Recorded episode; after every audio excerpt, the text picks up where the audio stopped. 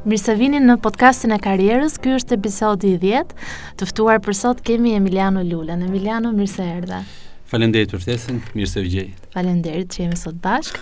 Ne jemi ulur sot në institutin ku ti punon dhe je zëvendësdrejtor në këtë institut, është instituti i nxënësve që nuk shikojnë. Exact. Dhe ne jemi ulur në studion e regjistrimit ku uh, pas pak do fillojnë të regjistrohen po. libra për fëmijë po, apo pas, jo. Pas pak kohësh kjo studio do të ketë totalisht një pamje tjetër dhe totalisht një teknologji tjetër që do të mundësojë ndoshta regjistrimin më të mirë të mundshëm që mund të realizohet nëpërmjet audios. për fëmijët e verbër, fëmijët që nuk shikojnë. Mhm. Gjithashtu Emiliano është sipërmarrës, por gjithashtu me aftësi të kufizuara në shikim, por kjo nuk e ka ndaluar që ai të ecë me hapa të shpejta në profesionin e tij, i cili është si mund ta përkufizojmë profesionin tënd, Emiliano. Mm, do të thoja unë jam aktivist, aktivist i shoqërisë civile. Mm -hmm. Nuk kam studiuar në një moment të caktuar teknologji, kam qenë në Universitetin Politeknik, pat, pastaj aty ndoshta edhe me pamundësinë për të njohur në atë kohë softuerët që mund të më jepnin atë mundësi që më japin sot, e ndërpreva shkollën dhe vazhdova në shkenca sociale, psikologji dhe më pas kam bërë dhe një kurs gazetarie sepse psikologjia është shkencë që të jep mundësinë që ti të skanosh fenomenin social dhe ta kuptosh, kurse gazetaria të jep mundësinë ta shkruash dhe ta çosh atë ta transmetosh pra tek një audiencë më e gjerë. Mm -hmm. Pra ti u diplomove në? Unë jam diplomuar në psikologji dhe në gazetari, por në nuk jam diplomuar në Polite në, në Universitetin Politeknik, sepse edhe sot po ta kisha vazhduar në terma ligjorë nuk di ta them, por nuk do të kisha mundësi për të marrë diplomën sepse ende nuk ke mundësi të zgjidhësh derivate nëpërmjet mm -hmm. kompjuterit dhe integrale. Por ama mund të bësh shumë gjëra nëpërmjet teknologjisë, ajo gjë për të cilën ne do të flasim sot është tipikisht teknologji dhe është teknologji asistive ose ndihmuese ose mbështetëse, e cila nënkupton që të gjithë mjetet teknologjike do të vijnë në ndihmë të fëmijëve të verbër, por jo vetëm, edhe njerëzve të tjerë si unë të rritur që kanë marrë përsipër të kuptojnë gjithë edukimin special, gjithë nevojat, barrierat dhe t'i shmangim ato.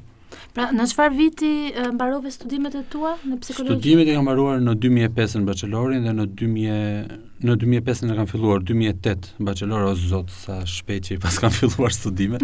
në 2008-ën kam mbaruar bachelorin, në 2010-ën kam mbaruar kam mbaruar masterin në psikologji klinike, zhvillimi dhe marrëdhëniesh. Mhm. Pra, ti e ndalove studimet në Universitetin Politeknik pas aksidentit që pas pate Në dy mijë e njëshin... Në dy mijë e njëshin unë kam pasur një kam pas një nevojë për një ndërhyrje në sy pasi aksidenti ka qenë në 1997-ën. Mm -hmm.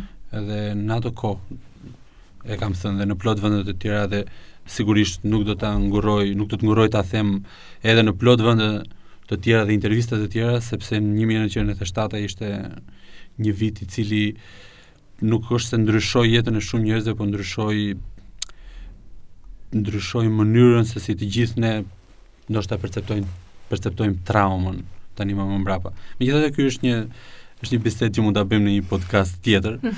Për momentin mendoj se të gjithë atyre që do të dëgjojnë podcastin do të interesonte të dinin për tipikisht për këtë institut dhe për këtë sipërmarrje që unë dhe të gjithë mbështetësit e mi, duke përfshirë dhe juve, kemi marrë përsipër për ta realizuar dhe për të hequr të gjitha barrierat që me të cilat ne përballemi çdo ditë. Po e marrim e marrim me radhë. Çfarë cilat ishin hapat e tua të para pas universitetit? Hapat, Kontakti yt i parë me tregun e punës. Ëh, uh, atëherë ta bëjmë pak më interesant podcastin. Hapi im i parë ishte takimi me ankthin. Mua më janë dashur 6 muaj që të bind veten për të dalë nga shtëpia. Dhe sigurisht kjo nuk është barrierë, kjo është një traumë, është shumë më tepër se kaq. Askush nuk mund të mendojë në ato momente që do të jetë i aftë ta përballojë këtë gjë. Askush nuk do të mund të mendojë se duke u përballur me një Situatë të tillë do ta ketë të lehtë ta kapërcej. Dhe e solla këtë shembull sepse dua ta lidh sërish me temën me të cilën po diskutojmë. Unë atë kohë jam përballur me një gjë të tillë dhe jam i sigurt plot të tjerë si unë sepse nuk kam gjetur mbështetje, nuk ka pasur institucione dhe ato të ashtuquajtura shoqata apo entitete apo institucione që mbështesin njerëzit që gjenden në momente të tilla të vështira në jetë si unë, nuk e kanë bërë asnjëherë punën e tyre tamam, nuk kanë funksionuar kurrë, sepse minimalisht unë duhet të merrja informacion për mënyrën se si duhet të përballja jetën, për mënyrën se si duhet të përballja gjithë rrjedhën time tani më, dhe mbi të gjitha për mënyrën se si duhet të përballja ankthin, sepse ai që nuk të lejon është pikërisht eh, ankthi dhe trauma ku ti nga momenti futesh nga drita në errësirë, është më e vështirë të futesh nga drita në errësirë sesa të dalësh nga errësira në dritë. Mm -hmm. Pra, nuk ishte prioritet, pra prioriteti kryesor në atë moment ishte që ti të, të, të mbijetoje. Të mbijetoje. Të mbijetoje. Kur fillove, avash avash të filloje të mendoje për një punë, ose se si mund të angazhoheshe diku dhe Kush të mbështeti në këtë rast? Shumë më vonë. Shumë më vonë, unë si fillim u futa në shkencat sociale, ndoshta si 90% e njerëzve që studiojnë psikologji, për të ndihmuar veten. Aty nga viti i dytë kuptova që nuk e ndihmoj dot veten dhe të paktën të ndihmoj të tjerët. Dhe në këtë moment fillova të kuptoj që kjo shkencë mund të mos ishte shkenca që do të më jepte mua drejt për së drejti një punë, po sigurisht që do të ishte shkenca që do të më jepte procesin, do të më zhvillonte procesin e të kuptuarit se si unë do të shkoja te puna. Dhe natyrisht që prirjet e mia për teknologjinë nuk i lashë mbrapa sepse gjatë studimeve kuptova që është e vetmja mënyrë për të studiuar në planin e ngushtë dhe për të marrë informacion në planin e gjerë. Prandaj studiova pafund shkenca sociale, studiova shumë më tepër teknologjinë, të cilën ditë për ditë e kisha të detyrueshme sepse edhe librat i lexoja në këtë mënyrë. Dhe më pas kuptova se si kjo gjë mund të shkojë tek të gjithë njerëzit e verbër komunitetin e njerëzve që nuk shikojnë. Prandaj dhe sot jam këtu në këtë institut sepse këtu nis edukimi, këtu është stafi të cilët duhet të dinë se si të përballen dhe këtu duhet të përqendrohet e gjithë teknologjia edhe në formë modeli, që institucionet e tjera, shkollat e tjera më mbrapa pastaj do ta marrin dhe do ta implementojnë kudo në Shqipëri. Atëherë sa vite ke që punon në këtë institut? Nuk kam, kam pak. Drejt për së drejti në këtë institut kam nga tetori i vitit të kaluar të 2015-ës, por e kam mbështetur institutin që në momentin e parë që e kam njohur që ka qenë rreth viteve 2008-2009 kur sapo kisha mbaruar bachelorin në psikologji. Ky institut i shërben nxënësve deri në çfarë moshe? Deri në klasën e 9. Është baraz me një shkollë tjetër 9 vjeçare. Por është një shkollë e edukimit special. Pra e gjithë diferenca është që këtu mjetet didaktike çdo gjë tjetër është në formën e përshtatur që personat, fëmijët me probleme shikimi të mos e ndjejnë fare këtë barrierë. Hmm. Tani e lidh pak me atë që the pak më përpara, vështirësia enorme që që hase në momentin kur ndodheshe në në atë situatë. Çfarë të bëri që të filloje të shikoje pakëz dritë ose të filloje të angazhoheshe në një aktivitet? Mendoj se kjo ka të bëjë edhe me vetëvlerësimin, pra se procesi i vetëvlerësimit gjithashtu është një proces që ngrihet dalngadal, shembet përnjëherë dhe ngrihet dalngadal. Dhe në një moment që unë fillova të studioj, fillova të kuptoj që mund të studioj në këtë mënyrë, dhe mbi të gjitha fillova të kuptoj që mund të jetoj në këtë mënyrë, atëherë ndryshon edhe vetëvlerësimi dhe ti fillon të arsyetosh Për fat mirë Zoti na ka dhënë mendjen dhe në këtë moment kupton që ok, dhe kështu jetohet. Madje në një farë bëhesh edhe më i vlefshëm sepse sot për shembull me miqtë e mi bëjmë uh, humor dhe më thonë pse nuk po shikon të bësh atë operacion u them prit se jam ende i vlefshëm në këtë mm. në këtë gjendje në momentin në momentin tjetër do ta mendoj këtë gjë, do ta mendoj se si mund ta ta mundim verbërinë.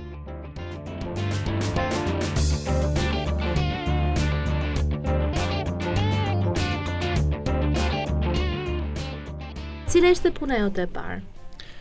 Puna ime e parë ishte specialist sistemi në Infosoft Systems. Prapë te teknologjia, domethënë. Po pra. E fillove me teknologjinë. Gjuha, gjuha shkon tek Tek dhëmballa, kjo është që t'i ngatërrojmë pak disiplinat, kjo është gjithashtu edhe e lidhur me me pjesën e shkencave sociale sepse në atë moment unë kuptova që një çështje e lënë për gjysëm është një çështje e cila në një moment tjetër do të gjendesh përballë çdo lloj sfide për ta përmbyllur atë çështje. Edhe puna me teknologjinë për mua sigurisht që ka qenë një nga ëndrrat më të mëdha sepse aty e kam nisur atë gjënë. Edhe në këtë moment kur shkova në Infosoft dhe aty gjeta një mbështetje ekstremisht të madhe, kisha gjithë atë ndërtesë që gjithkush do të mund ta ëndërronte për të kuptuar se çfarë mund të bëja, unë kisha luksin të kuptoja. Kjo po, mund mund të konsiderohet fat, ë Unë kisha luksin të kuptoja ku mund të punojë një person i verbër. Mm -hmm. Dhe sot kam një detyrim moral për ta bërë këtë gjë, prandaj edhe jam këtu. Një person, sigurisht. Një person i verbër mund të punojë në të gjitha punët ku ka të bëjë drejtpërsëdrejti me një kompjuter dhe punë zyre, punë sekretarie, punë nuk diskutohen fare aftësitë në qoftë se ti je për shembull një njeri që njeh mirë gjuhët e huaja. Një përkthyes Në ditën e tij të punës përdor një laptop dhe një Microsoft Word. Edhe mendjen e vet për të bërë punën. Në këtë moment një person i verbër që e ka këtë mundësi është 100% e mundur për ta realizuar. Po, një person sot ve, verbër i duhet një i duhet një i duhet një laptop, siç i duhet edhe një personi që po. shikon ose një përkthyesi po e quajmë që po. shikon, i duhet një Microsoft Word si ai, i duhet edhe një software që e lexon këtë Microsoft Word. Kaq është gjithë çështja. Dhe ja ku po gjendet, mund të, software gjendet në Shqipëri? Është, ky software është nuk është thjesht një software, është një engine e tërë, është një teknologji, është ajo quhet TTS, TTS. Mm -hmm. Text to speech technology. Dhe në këtë formulë kaq të madhe, TTS janë disa lloje, ato në anglisht quhen screen readers, në shqip ne do të mund ta përkthenim lexues të ekranit, po ajo nuk është tamam lexues të ekranit, sepse po të flasim teknikisht, pastaj i bie që të hyjmë në në biseda shumë të detajuara që lexon në source code dhe lexon gjëra të mëdha, por në në kuptimin primar për atë çfarë njerëzit duan të kuptojnë është që programi ty të jep mundësinë të jesh baras në kompjuter me një person tjetër. Mm -hmm. Ti ulesh përballë kompjuterit dhe ai të lexon gjërat që ti ke nevojë të lexosh aty ku ti fokusohesh me mouse, ai lexon aty ku ti fokusohesh me tastierë ai lexon, do të hapësh një Word, hap një Word, një mijë mundësi siç programet kanë aftësitë për t'i bërë, lexon karaktere, lexon fjalë, lexon komplet Internet Explorin, organizon linqet, pra është menduar në perspektivën e një personi të verbër. Në, në një faqe interneti për shembull janë 100 linqe. Në këtë moment ti nuk mund të shkosh kurrë te linku yt. Mm. Ata kanë bërë një utilitet që ti me një komandë të thjeshtë insert f7 organizon në një rend alfabetik të gjithë linqet e shkon me first letter navigation tek me, me navigueshmërinë me lëvizje, lëvizshmërinë. Unë jam shumë fanatik i shqipes. Mm -hmm. Do të thënë first letter navigation do të ishte lëvizshmërinë nëpërmjet shkronjës së parë mm -hmm. me të cilën fillon mm -hmm. ai link. Dhe ja ku shkove për 3 sekonda tek Gjëja që do. Kështu që se në fillim unë të prezantova si sipërmarrës dhe mund na thuash pse quhesh sipërmarrës sepse kjo është pjesa jote paralele me institutin që ti merresh me un me teknologjinë. E kam nisur me shoqërinë civile dhe sigurisht do ta vazhdoj me shoqërinë civile. Jam aktivist i shoqërisë civile në disa fusha, jo vetëm në pjesën e aksesueshmërisë dhe teknologjisë, Jam mbështetës i të gjitha çështjeve që kanë të bëjnë me aftësinë e kufizuar. Me këtë gjë jam marrë pa fund, kam një grup të madh njerëzish, një forum të madh njerëzish, herës kaluar, si edhe këtë radhë, që po realizojmë një projekt të madh mbi teknologjinë me UNDP-n ose me PNUD-in, siç njihet ndryshe, kemi realizuar votimet. Votimet të para accessible, të përshtatura, për nevojat e çdo votuesi të verbër në Republikën e Shqipërisë. E keni prov, e keni testuar? E kemi testuar dhe e kemi implementuar mm -hmm. në vitin dy vite më parë, mm -hmm. 2000 një vit pak më parë në 2015 në zgjedhjet lokale. Mm -hmm. Pra u realizua dhe u përgatitën shabllonet të cilat ishin tentuar edhe herë të tjera nga organizata të ndryshme, mm -hmm. por nuk kishin marrë pikërisht këtë detajin që bën diferencën. Që ti kur i jep pavarësi njeriut, jepi një pavarësi të plotë, jo një gjysmë pavarësie. Se në qoftë se kemi dy palë shkallë, dy shkallë dhe pastaj kemi 10 shkallë dhe bëjmë një rampë te këto 10 shkallët. Dhe themi më se këto dy shkallët janë pak. S'po bëjmë një rampë këtu, atëherë s'e kemi bërë aksesueshmërinë. Mm -hmm. Pra janë ca detaje të cilat të pengojnë dhe një mhm. moment caktuar ti nuk ia del dot mbanë. Pra detaji është i tillë, mendo sikur të jesh krejtësisht i vetëm në mes mhm. të një qyteti për të lëvizur ose në mes të një institucioni për edukim special ose në mes të një faqe interneti që ti duhet të lexosh të gjithë materialin. Meqë meqenëse ti je në kontakt nëpërmjet punës tënde në shoqëri civile me njerëz të tjerë që kanë aftësi të kufizuara në shikim, cilat do thoje janë pikat kryesore, vështirësitë që ata hasin për të për t'u punësuar ose vetëpunësuar. Punësimi mendoj që uh, më pëlqen më pëlqen pyetja sepse mendoj që punësimi është pika kyçe ku të gjithë ne si vend sot duhet uh, të hedhim bashkë të gjithë forcat për ta si thuash për ta rrëzuar këtë barrierë ose për ta përmirësuar mënyrën dhe për të përmirësuar për të ngritur nivelin e njerëzve të punësuar. Unë mendoj që në aftësinë e kufizuar kjo nuk është e thjeshtë. Madje do ta mirëkuptoja tanimë që i kam hyrë dhe kam studiuar të gjithë detajet, Do ta mirëkuptoja përse nuk është e thjeshtë në Shqipëri. Ne vijmë nga një edukim kaq i gjatë, i cili nuk ka qenë asnjëherë i përshtatur. Kaq kanë qenë mundësitë, kaq kanë qenë njohuritë, është bërë ajo që dihej dhe që mundej, sepse sigurisht unë e di që sot mund të më duhet Një bibliotekë për të verbër që bën 2 apo 3 apo ku ta di unë 5 milionë euro. Po sigurisht që këtë nuk e vë përpara për shembull trotuareve që japin akses edhe njerëzve të verbër, edhe njerëzve që ecin me karroca, edhe njerëzve që ecin që janë paraplegjikë dhe kanë pra duhet menduar dhe unë në këtë mënyrë mendoj se për cili është prioriteti. Dhe unë e di që në këtë moment prioriteti në vendin tonë sigurisht që nuk është kjo gjë.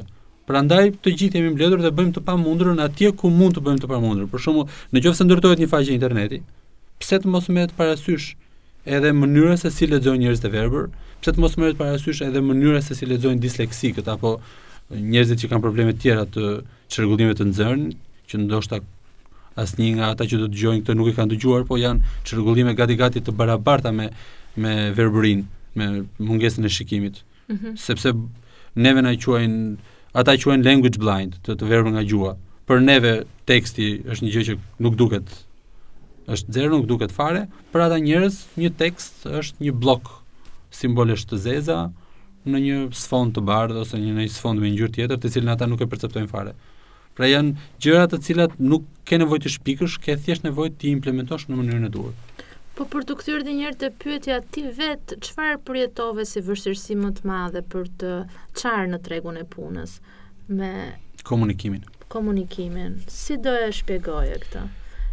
Komunikimin, gjetjen e informacionit. Komunikimin në të gjithë dimensionet e tij. Komunikimin edhe mënyrën se si duhet të drejtohesh njeriu dhe se si ai njeriu duhet të ketë kulturën dhe mungesën e paragjykimit, pra të mos të paragjykojë që do të mirëpresë komunikimin edhe në forma teknike, që nga dërgimi një emaili apo një mesazhi, të mos presësh 3 orë sa të vijë përgjigje.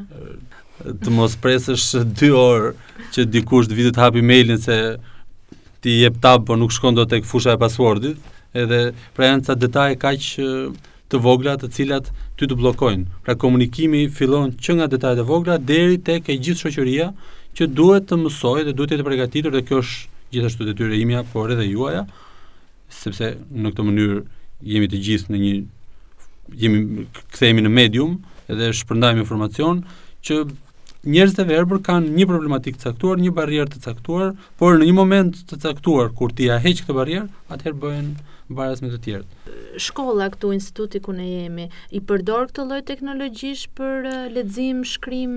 Instituti deri tani ka pasur mundësinë të përfitojë nga implementimet e veta, nga fondet e shtetit, nga mund të them që shteti, ministria për këtë, po sigurisht edhe shteti sepse janë të ndërvarura, për këtë shkollë të hedh fonde aq sa për të mbajtur një fëmijë me problem shikimi në këtë institut përgjatë një viti është më shumë sesa rroga e drejtorit apo nëndrejtorit në këtë institucion. Mm -hmm. Pra fondet që duhen për të mbajtur një njeri, mhm. një një nxënës të verbër në këtë institucion e kalojnë rrogën e titullarëve të institucionit. Mm -hmm.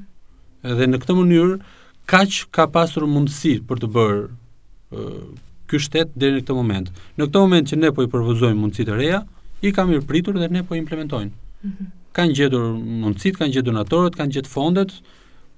Kush mund të implementonte teknologji asistive në 63-shin kur është hapur shkolla, edhe një braille që e kanë bërë atëherë e kanë bërë gabim. Kush mund të implementonte në 91-shin kur u hapën pak mundësitë?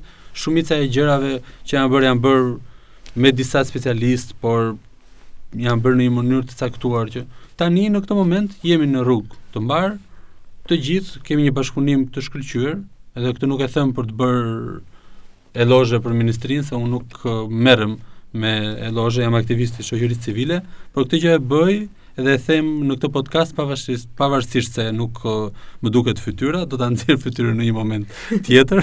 Të duket dhe, se kemi foto. Kemi foto. Okej. Okay. Dhe do të vijmë sërish bashkë në këtë shkollë për të bërë një podcast të dytë për të treguar se çfarë do të ndryshojë në këtë shkollë. Ti do vazhdosh të merresh me teknologjinë asistive? Pra që për ata që nuk e dinë është gjithë teknologjia që ndoshta ti e shpjegon. Unë do merrem ndoshta gjithë jetën me këtë gjë.